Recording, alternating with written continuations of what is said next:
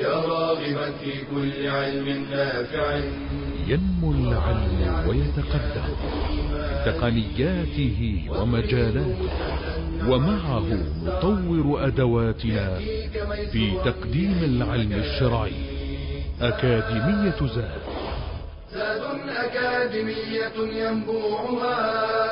صاف صاف ليروي غلة الظمآن. والسيرة العلياء عطرة الشدى. طيب يفوح لأهل كل زمان. بشرى لنا أكاديمية للعلم كالأزهار في البستان. بسم الله الرحمن الرحيم. الحمد لله رب العالمين. وأصلي وأسلم على المبعوث رحمة للعالمين. سيدنا محمد وعلى آله وصحبه ومن اهتدى بهديه واستنى بسنته إلى يوم الدين. أما بعد السلام عليكم ورحمة الله وبركاته. تقدم معنا في الدرس الماضي نماذج من تعزيره صلى الله عليه وآله وسلم وعقوبته على ما لا حد فيه تأديبا. وربما النبي صلى الله عليه وآله وسلم ما كان يعزر إنما كان يعاتب إنما كان يلوم. وهذا الأمر المعاتبة واللوم إنما كان للتأديب وكان للتعليم لأن النبي صلى الله عليه وآله وسلم هو أكرم الخلق وهو أرحم الخلق بالخلق. وهو أحسن الناس أخلاقا. كما قالت أمنا عائشة رضي الله عنها وأرضاها فإن خلق نبي الله صلى الله عليه وآله وسلم كان القرآن. ولو أردت أن تنظر إلى خلقه وإلى مدة حياته مقارنة بالحوادث التي ورد لنا فيها أنه عاتب صلى الله عليه وآله وسلم فيها لوجدتها لا تذكر. ولكن لابد من حصولها لأن النبي عليه الصلاة والسلام أسوة لأن النبي عليه الصلاة والسلام أسوة لنا. فلا بد أن نتعلم من هديه في شفقته ورحمته في تعزيره وعقوبته في عفوه وصفحه في معاتبته ولومه. هذا كله نتعلم منه كل بحسب الحالة والمكانة التي تقتضي هذا الأمر. أنس بن مالك رضي الله عنه وأرضاه يقول خدمت النبي صلى الله عليه وآله وسلم عشر سنين. والله ما قال لي أفا قط ولا قال لي لشيء لما فعلت كذا وهلا فعلت كذا. رواه البخاري ومسلم. عشر سنين. تخدم النبي عليه الصلاة والسلام ولم يقل صحبته لأن الإنسان ربما يعامل صاحبه بطريقة مختلفة عما يعامل خادمه. إنما قال خدمته والخادم مكانته دون المخدوم فلربما يعاتب لربما ينهر لربما يلوم. أبدا. عشر سنين النبي عليه الصلاة والسلام ما فعل ذلك مع سيدنا أنس عمر طويل العشر سنوات. فيه تقلبات الأمزجة والنفوس الغضب الفرح الحزن السعادة الكذا. لكن ليست عند النبي عليه الصلاة والسلام الذي يعامل الناس بإنصاف وعدل. لم ينهره ولم يزجره عليه الصلاة والسلام. وفي الحديث ترك العتاب على ما فات. فلم يكن يخرج من فم النبي عليه الصلاة والسلام كلمة نابية ولا بذيئة ولا فاحشة حاشاه صلى الله عليه وآله وسلم فقد كان أطهر الناس وأحسنهم وأكملهم أخلاقا. بعض الناس ما ينفك عن المعاتبة. ما تجلس مع أحد وهذا الذي ربما يسمونه بثقيل الظل. ما تجلس معه إلا يلومك. لما لم تتصل بي البارحة؟ لما لم تعزمني على ملكة آه، ولدك؟ لماذا لم تفعل كذا؟ لماذا لم تخبرني أنه جاءتك زيادة في الراتب أو علاوة؟ لما لم تستشيرني عن سيارتك؟ أما فعلت كذا؟ يعني تشعر دائما أنك تحت الضغط وتحت المراقبة. هذا الحياة معه لا تستقيم. وفي الغالب أنك تجده من أكثر الناس وحدة. تجده وحيدا لا يوجد له حميم أو صديق مقرب. وكما قال الشاعر ومن لا يغمض عينه عن صديقه وعن بعض ما فيه يمت وهو عاتب. هذا الذي لا يتغافل عن عيوب أصحابه هذا يمت وليس له من يعاتبه. يمت وليس له من صاحب. يقول ومن يتتبع جاهدا كل عثرة يجدها ولا يسلم له الدهر صاحب. إذا هذه مشكلة. إذا أنت تبحث عن عيوب الناس وعما تعاتبهم وتلومهم عليه إذا لن يبقى لك بعد ذلك من صاحب. وكان النبي عليه الصلاة والسلام ربما عاقب تقدم معنا هذا في التعزير وربما عاتب. وربما رؤيت الكراهة في وجهه وربما أعرض وربما احمر وجهه. كل ذلك كراهة منه صلى الله عليه وآله وسلم لخلاف ما شرع الله ورسوله ونفورا عنه وإعراضا وذما له واستقباحا وتربية لأصحابه وللأمة من بعدهم. ومن كريم أخلاقه عليه الصلاة والسلام أنه لم يكن يكثر العتاب. قال عز من قائل وإذ أسر النبي إلى بعض أزواجه حديثا فلما نبأت به وأظهره الله عليه عرف بعضه وأعرض عن بعض.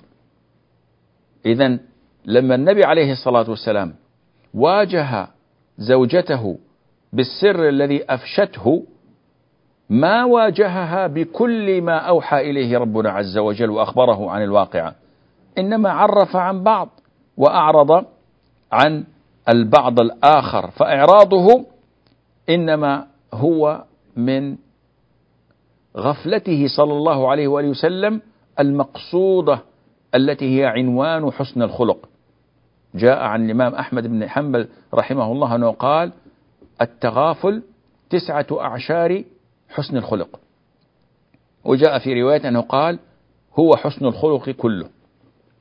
وقال سفيان بن عيينة رحمه الله ما استقصى كريم قط. ألم تسمع لقول الله تعالى عرف بعضه وأعرض عن بعض؟ ما استقصى كريم قط. الكريم ما يأتي ينبش يستخلص ويستخرج الخبايا والخفايا. إنما يعامل الناس على الظاهر ويتغافل عما لا يعرف عنه. ما يبحث ويتقصى ويفعل. وفي حديث أم زرع قالت بعض النسوة في وصف زوجها إن دخل, إن دخل فهد وإن خرج أسد ولا يسأل عما عهد. فإذا لا يسأل عما عهد أي شديد الكرم كثير التغاضي لا يتفقد ما ذهب من ماله. وإذا جاء بشيء لبيته لا يسأل عنه بعد ذلك ولا يلتفت إلى ما يرى في البيت من المعايب بل يسامح ويغضي الطرف. انظروا إلى أحوال كثير من الأزواج. يتقصى. وين الشيء الفلاني؟ أين هذا الذي أتيت به؟ أنا اشتريت قبل أسبوع آه، كذا وكذا لماذا لا أجده؟ أين ذهبت به؟ يعني يتحرى ويتقصى ويسأل حتى يشعر جميع من في البيت بالضيق والاتهام وعدم الثقة وهذا خطأ. ليس هذا من حسن الخلق الذي أرشدنا إليه النبي صلى الله عليه وآله وسلم. إذا العتاب هذا موجود لكنه عتاب بقدر بحيث تستقيم الحياة لا بحيث يستقصي ويضيق الأنفاس على من على من حوله. فاصل قصير وبعدها نواصل بإذن الله عز وجل. بشرى أكاديمية للعلم كالأزهار في البستان.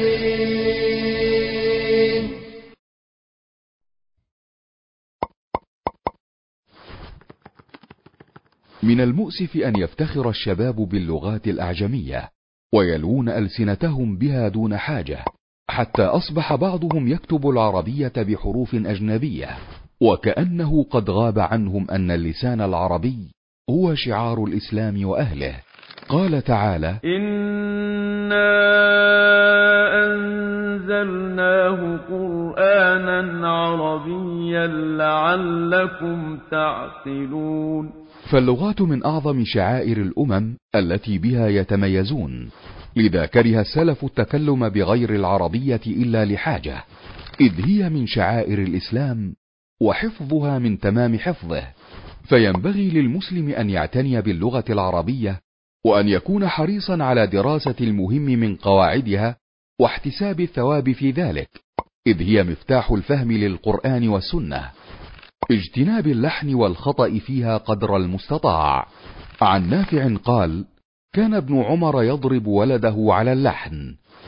مطالعة كتب الأدب في التراث العربي لا سيما الكتب التي يذكر فيها الشعر والنثر فذلك مما يقيم اللسان ويزيد الحصيلة اللغوية لدى القارئ. الالتزام بها في المكاتبات والحوارات والشعارات في مواقع التواصل وغيرها. التزام التحدث بها مع الكبار والصغار ولو لفترة وجيزة كل يوم. تعليم الأبناء قواعدها وتربيتهم على حبها وإتقانها منذ الصغر إذ هي لغة القرآن الذي وصفه الله بقوله وإنه لكتاب عزيز لا يأتيه الباطل من بين يديه ولا من خلفه تنزيل من حكيم حميد بشرى لنا ذات أكاديمية للعلم كالأزهار في البستان السلام عليكم ورحمة الله وبركاته.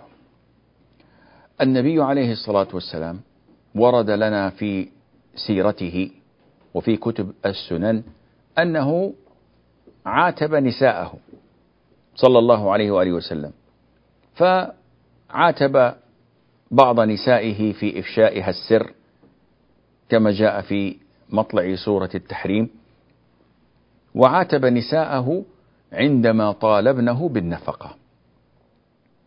وجاء معنا من قبل كيف أن النبي عليه الصلاة والسلام خير نساءه بين أن يمتعهن وأن يسرحهن سراحا جميلا وبين أن يظللن ويبقين معه.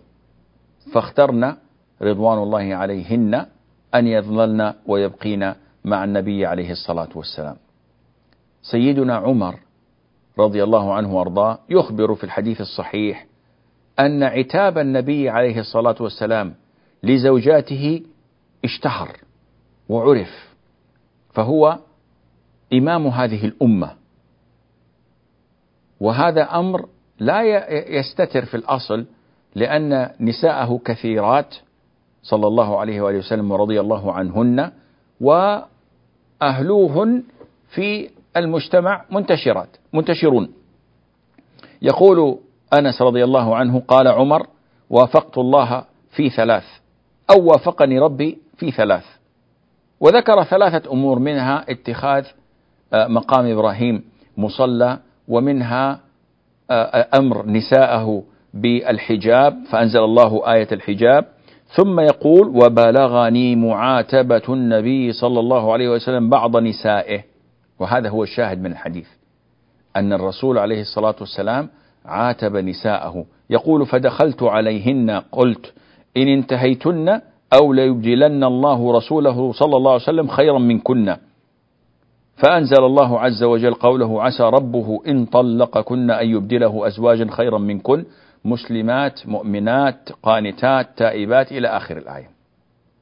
فإذا الرسول عليه الصلاة والسلام عاتب نساءه والعتاب إن كان في مكانه ولحاجة ولم يكن ديدن المرء فهذا أمر مطلوب. ما يستطيع أحد أن يعيش بدون شيء من المعاتبة شيء من اللوم كي لا يتكرر هذا الخطأ أو ليتعدل المسار إلى النحو المرضي عنه.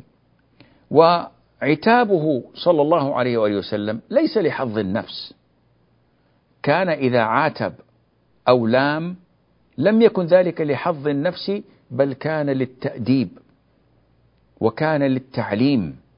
فقد بعثه الله بشيرا ونذيرا.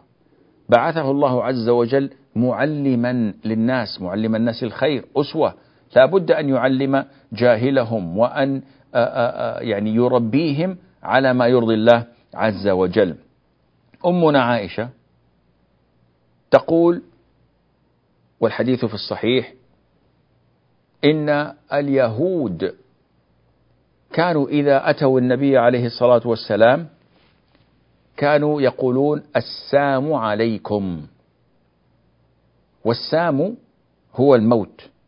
فعوضا عن أن يظهر اللام السلام عليكم يأكلونها ويضغمونها لكن بنية الدعاء عليه عليه الصلاة والسلام. ولربما هذا يوافق بعض اللهجات في بعض الدول العربية عندما يقول السلام عليكم.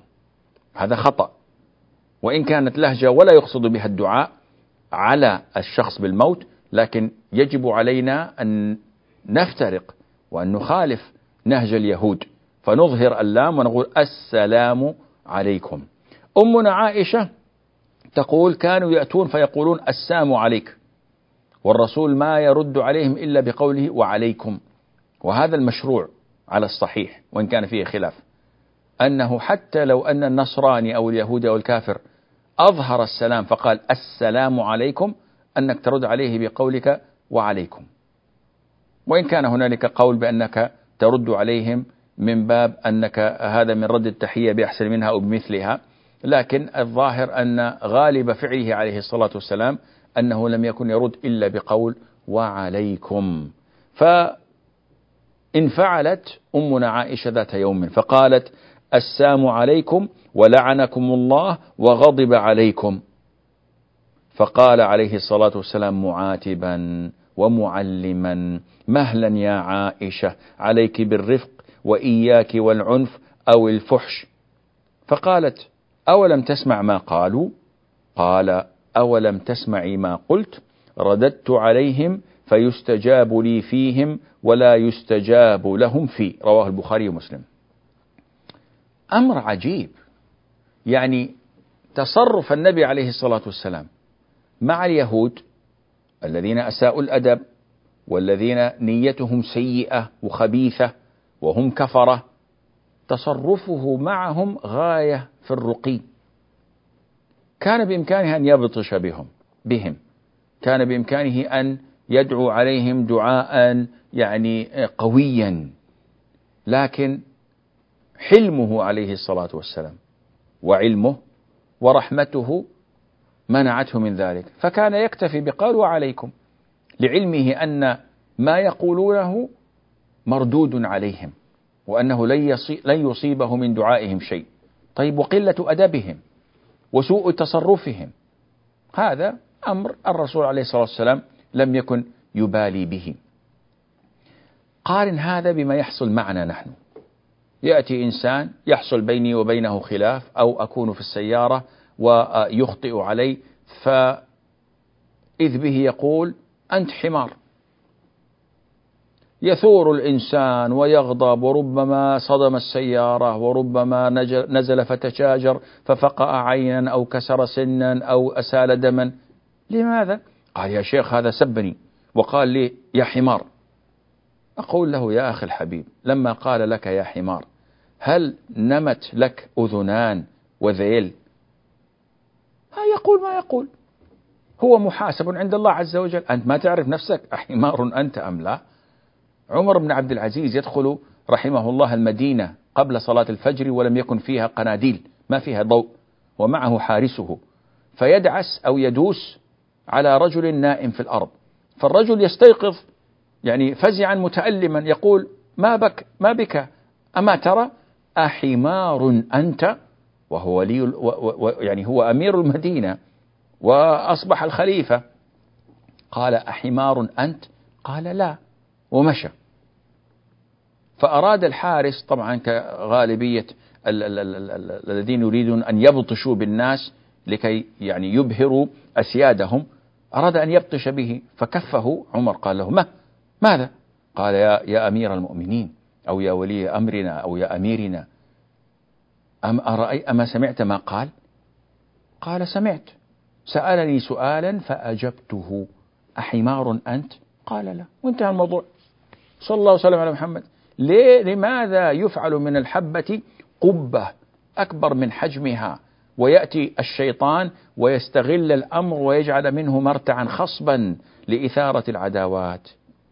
النبي عليه الصلاة والسلام هو الأنموذج في الحلم والعلم. السام عليكم الموت عليكم الدمار عليكم يدعون اليهود. والنبي عليه الصلاة والسلام لا يزيدهم إلا بقوله وعليكم. قال يستجاب لي فيهم ولا يستجاب لهم في هذا النوع من العتاب لأمنا عائشة هو تأديب هو تعليم هو إرجاع إلى المسار.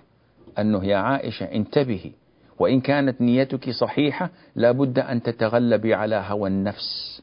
لأن الإسلام ليس بدين فحش وتفحش. ليس المؤمن باللعان ولا الطعان ولا الفاحش البذيء. إذا هذا التعليم هذا التأديب يأتي عن طريق اللوم والمعاتبة الطيبة. وهذا كثيرا ما كان يفعله النبي عليه الصلاة والسلام مع الناس عامة ومع زوجاته. من باب التعليم. يدخل على أم المؤمنين فإذا بها صائمة. يعلمها. يوم جمعة. أصمت بالأمس؟ قالت لا. أتريدين أن تصومي غدا؟ قالت لا. قال فأفطري. تعليم وتأديب. كل حياته كل حياته عليه الصلاة والسلام بهذه الشاكلة. ولذلك جعله الله مباركا أينما كان بأبي هو وأمي. فاصل قصير وبعدها نواصل بإذن الله فانتظرونا.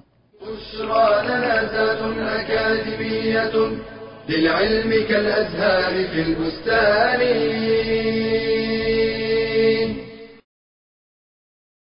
به تنكشف الكربات وتستنزل البركات وتستجلب الرحمات.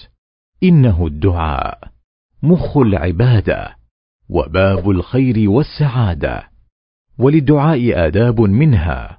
توحيد الله تعالى والإخلاص له في الدعاء.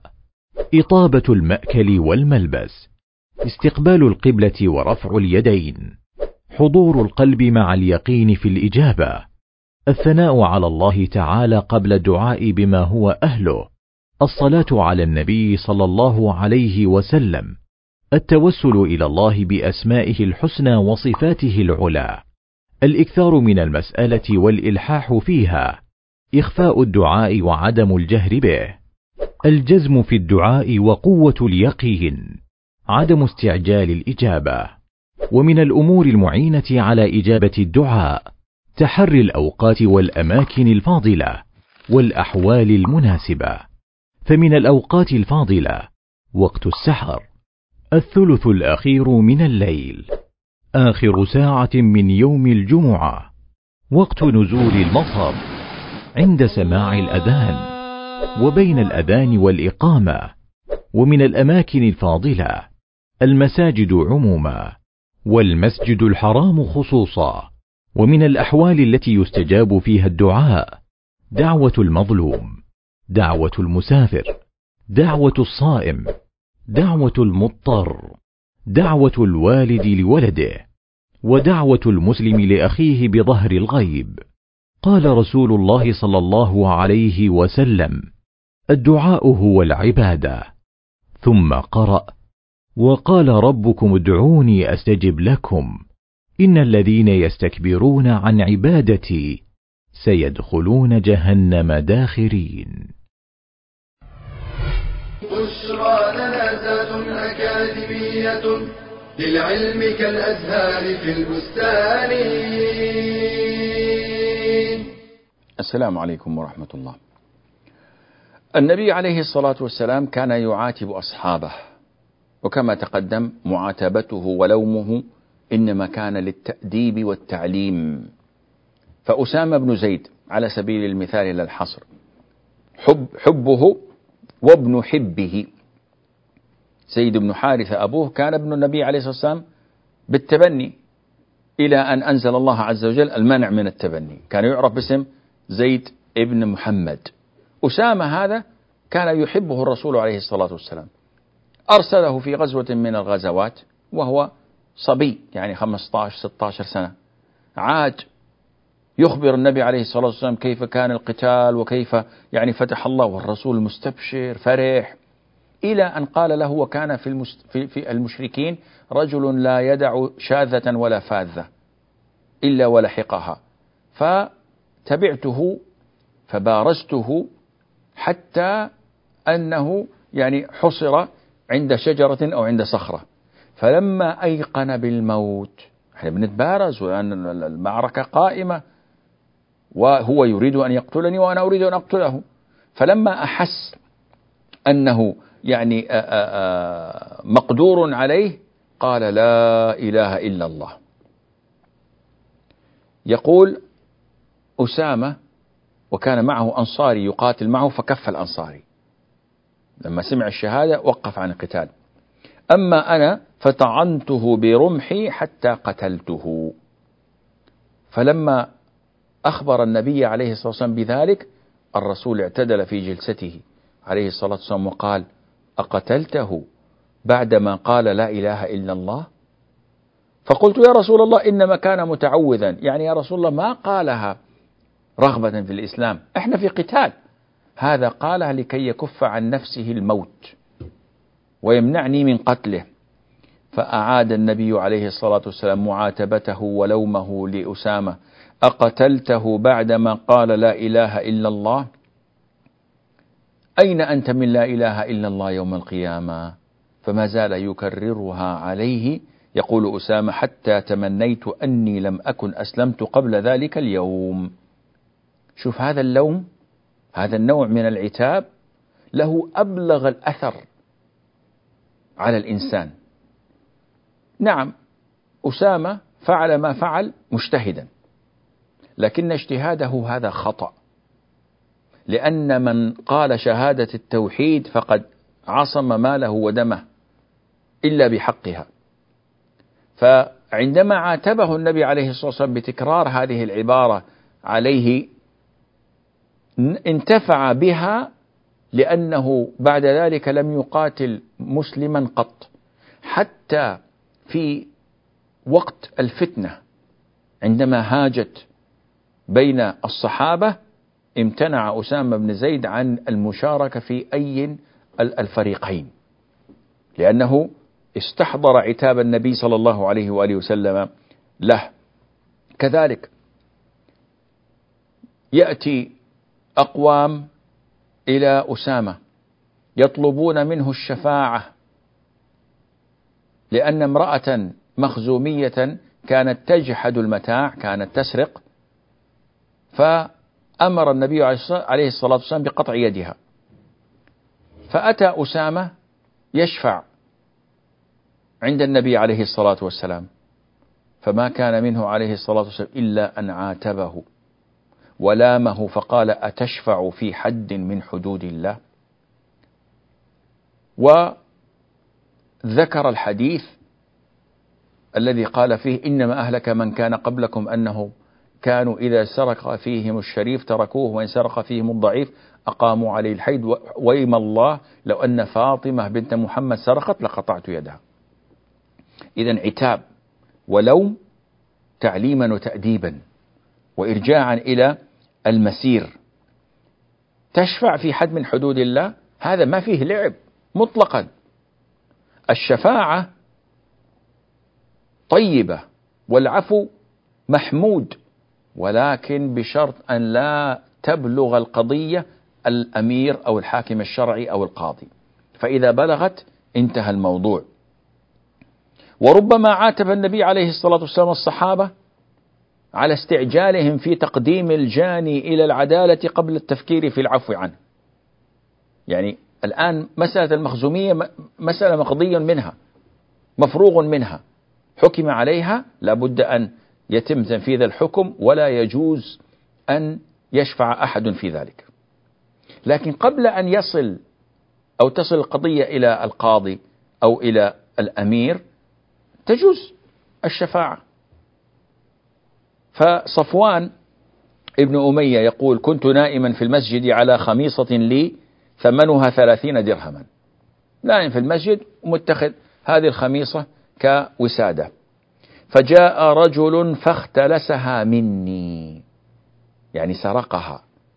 فأخذ الرجل أمسكوه. فأتي به رسول الله عليه الصلاة والسلام فأمر به ليقطع. خلاص هذا سرق. ثلاثون درهما لابد أن تقطع يده. قال فأتيته. صفوان بن أمية يقول فأتيت النبي عليه الصلاة والسلام. فقلت أنا قطعه من أجل ثلاثين درهما؟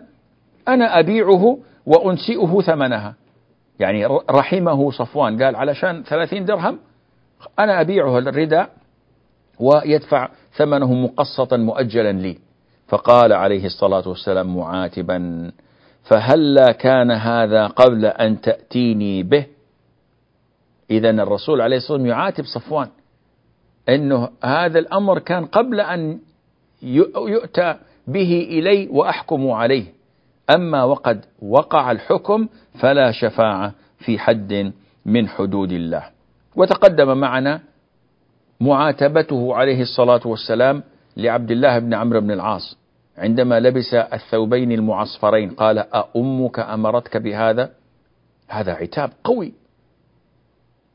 الرجل إذا قيل له أمك أمرتك بهذا؟ يعني أنت كأنك طفل. ما هذا؟ تصنع ما تأمرك به أمك من أمور النساء؟ ما يصلح. فهذا عتاب ولوم من النبي عليه الصلاة والسلام تأديبا لصاحبه. الرسول عليه الصلاة والسلام ربما استخدم ما انتشر على ألسنة العرب من دعاء غير مقصود لذاته. وهذا كنوع من العتاب. كقوله ثكلتك أمك مثلا. فكلمة ثكلتك أمك هذه عتاب ولوم. والأم الثكلى هي التي مات ولدها. فالآن أصبحت ثكلى تبكي على ولدها الميت. فلما تدعو لواحد تقول له ثكلتك أمك يعني إن شاء الله تموت أنت وأمك تبكيك. وهذا من الدعاء لكنه غير غير مقصود. يعني بعض الأحيان الناس يستخدمونها كطرفة. عندما يذهب أحد إلى الحج فيقول أسأل الله عز وجل أن يبعثك يوم القيامة ملبيا. وهذا يقول جزاك الله خير. هو لا يدري أنه لا يبعث يوم القيامة أحد ملبيا إلا من مات وهو في إحرامه. فكأنه يدعو عليك أنك تموت في الحج. فالرسول ربما فعل ذلك عليه الصلاة والسلام. كما قال لمعاذ ابن جبل ثكلتك أمك يا معاذ. وهل يكب الناس في النار على وجوههم أو على مناخرهم إلا حصائد ألسنتهم؟ طبعا هو ما يقصد أنه إن شاء الله تموت وأمك تبكي. لكن هذا مما انتشر على ألسنة العرب آنذاك. كقول الرسول عليه الصلاة والسلام عقرى حلقة يعني إن شاء الله تذبح رقبتها ويحلق شعرها. لا يقصد ذلك ولا يعنيه بل هو كلام العرب عند المعاتبة وعند اللوم كقوله تربت يداه تربت يمينك. يعني إن شاء الله تمسك التراب ولا لا يكون عندك شيء. ليس مقصودا لذاته معنى. وكذا جاء عن زياد بن لبيد عندما قال عليه الصلاة والسلام ذاك عند أوان ذهاب العلم. فاستنكر زياد وقال وكيف يذهب العلم ونحن نقرأ القرآن؟ قال ثكلتك أمك يا زياد. ومن ذلك أيضا أن النبي عليه الصلاة والسلام كان يعاتب ابن عمه من أصحابه علي. عندما زار فاطمة وعليا في بيتهما ووجدهما نائمين على الفراش فقال ألا تصليان؟ فقال علي يا رسول الله أنفسنا بيد الله فإذا شاء أن يبعثنا بعثنا.